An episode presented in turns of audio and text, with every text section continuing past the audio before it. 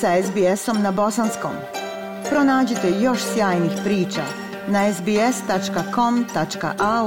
kosacrta bosnijan. Aisha, pozdrav tebi i slušateljima SBS radija. Evo u nastavku nekoliko najznačajnijih događaja koji su obilježili proteklu sedmicu u Bosni i Hercegovini. Na vanrednoj sjednici predsjedništva Bosne i Hercegovine 22. decembra imenovana je Borjana Krišto za predsjedavajuću vijeća ministara Bosne i Hercegovine. Željka Cvijanović, predsjedavajuća predsjedništva Bosne i Hercegovine i Denis Bećirović, član predsjedništva, glasali su za imenovanje Krišto, dok je Željko Kom Komšić očekivano bio protiv. Nakon ove sjednice u svom saopćenju Željko Komšić e, je pojasnio da nije glasao za izbor Borjane Krište. Kako je napisao, nismo saglasni sa politikom novoformirane vlasti i zato smo glasali protiv. S druge strane, kako sam već rekla, sasvim očekivano, za Borjanu Krišto glasali su predsjedavajuća predsjedništva Bosne i Hercegovine Željka Cvijanović i član predsjedništva Denis Bečirović.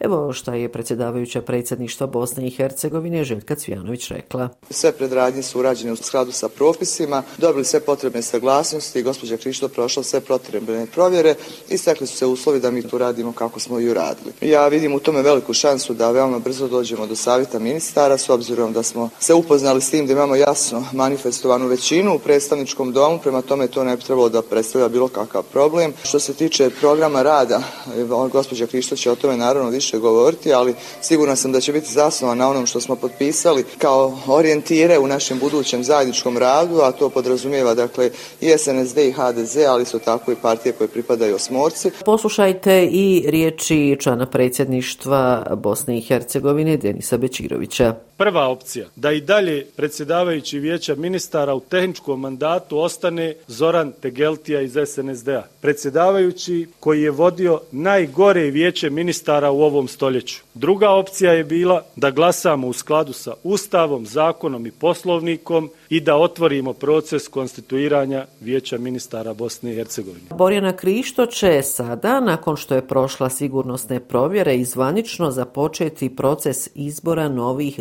državnih ministara. Rok je mjesec dana. Novo vijeće ministara e, mora biti važan pokretač brojnih procesa u kontekstu ubrzanja euroatlantskog puta Bosne i Hercegovine, poručila je Borjana Krišto ovdašnjim medijima. Vlada Republike Srpske je imenovana, dakle Republika Srpska je 21. decembra dobila novu vladu i eto to zapravo i ne bi bila vijest da nakon toga e, nije došlo do smjene jednog od ministara najprije Dade Dogana, a potom i Dragoslava Kabića.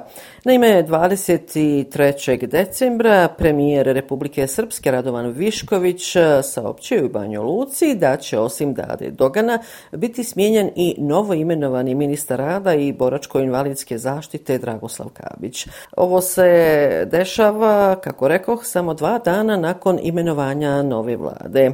Kabić je već drugi ministar u novo izabranoj vladi Republike Srpske koji je smijenjen smijenjen zbog krivičnog dijela kojeg je počinio u ranijem periodu. Naime, mediji u Republici Srpskoj su prenijeli informaciju da je prije nekih 15 godina Kabić učestvovao u saobraćajnoj nesreći i da je tom prilikom poginuo njegov najbolji prijatelj. Kabić je navodno osuđen za ovaj slučaj, ali nije bilo moguće potvrditi da li odslužio zatvorsku kaznu. Zbog slične situacije ostavku je podnio e, novoizabrani ministar Dado Dogan. On je, opet kako prenose mediji, 2012. godine imao saobraćajnu nesreću u kojoj je smrtno stradao njegov prijatelj. Dogan je e, za ministra bio izabran kao kadar socijalističke partije. Od 21. decembra zamjenik predsjedavajućeg vijeća ministara Bosne i Hercegovine i ministar financija i trezora Vjekoslav Bevanda i i direktorica Ureda Evropske banke za obnovu i razvoj u Bosni i Hercegovini Manuela Nelson potpisali su u Sarajevu ugovor o grantu za Luku Brčko. Vrijednost granta iznosi 3 miliona eura i namijenjen je modernizaciji luke što je ocijenjeno prioritetom Bosne i Hercegovine. Sredstva će biti iskorištena za rehabilitaciju cestovnog i željezničkog pristupa luci kao i infrastrukturu unutar same luke. Nakon stavljanja potpisa na ovaj ugovor, najprije se obratio zamjenik predsjedavajućeg vijeća ministara Bosne i Hercegovine i ministar financija i trezora Vjekoslav Bevanda. Evo poslušajte šta je ovom prilikom Bevanda kazao. Ova sredstva će biti potpora Bosni i Hercegovini, odnosno Brčko distriktu u rehabilitaciji cestovnog i željezničkog pristupa Luci Brčko, kao i infrastrukturi unutar same ove naše luke. Novinarima se obratila i direktorica Ureda Evropske banke za obnovu i razvoj u Bosni i Hercegovini, Manuela Nersol. Evo, poslušajte i njene riječi. Očekujemo da će rezultat projekta biti 5000 kamiona manje na godišnjoj razini, zbog, zbog čega će naravno biti smanjeno i zagađenje i buka, ali istovremeno i poboljšani uslovi za ekonomiju i trgovanje generalno. Ovdašnji mediji su tokom protekle sedmice uveliko objavljivali vijest da je nastavnik tjelesnog odgoja Samir Ali Hođić vraćen na posao u osnovnu školu Grbavica 1 u Sarajevu, iako ga je općinski sud e, u glavnom gradu Bosne i Hercegovine 2021. godine pravomoćno osudio zbog pedofilije na godinu zatvora. I bura u vezi sa cijelim slučajevem se gotovo tokom čitave protekle sedmice nije stišavala. Nakon pritiska javnosti, Ali Hođić je dao otkaz u ovoj školi. Međutim, o ovoj informaciji nije bilo obavješteno i vijeće roditelja osnovne škole Grbavica 1, koje je u večernjim satima 19. decembra održalo sastanak sa upravom škole, gdje je zahtjevano da Ali Hođić Božić više ne predaje djeci. Tražili su da mu se prekine ugovor o radu te da više ne bude uposlenik škole. Roditelji, dakle djece koji pohađaju ovu školu su rekli da će podnijeti i krivične prijave protiv odgovornih u ovom slučaju. Da je usvojen zakon o registru pedofila u Federaciji Bosne i Hercegovine, ovaj slučaj se sigurno ne bi dogodio. Zakon o registru pravomoćno osuđenih osoba za krivična dijela protiv spolne slobode i morala nad djecom i maloljetnicima je u parlamentarnu proceduru upućen još 2019. godine. Naime, federalna parlamentarka Lana Prlić iz SDP-a kazala je ovdašnjim medijima da je nacrt u predstavničkom domu usvojen 2020. a u Domu naroda u julu ove godine. Kako je ona rekla, duže od dvije godine godine zakon je stajao u ladici. Javna rasprava je obavljena uz pomoć pravnika, prijedlog je finaliziran kao nastavak parlamentarne procedure i prošle sedmice je upućen u proceduru kao prijedlog zakona, pojasnila je Lana Prlić iz SDP-a.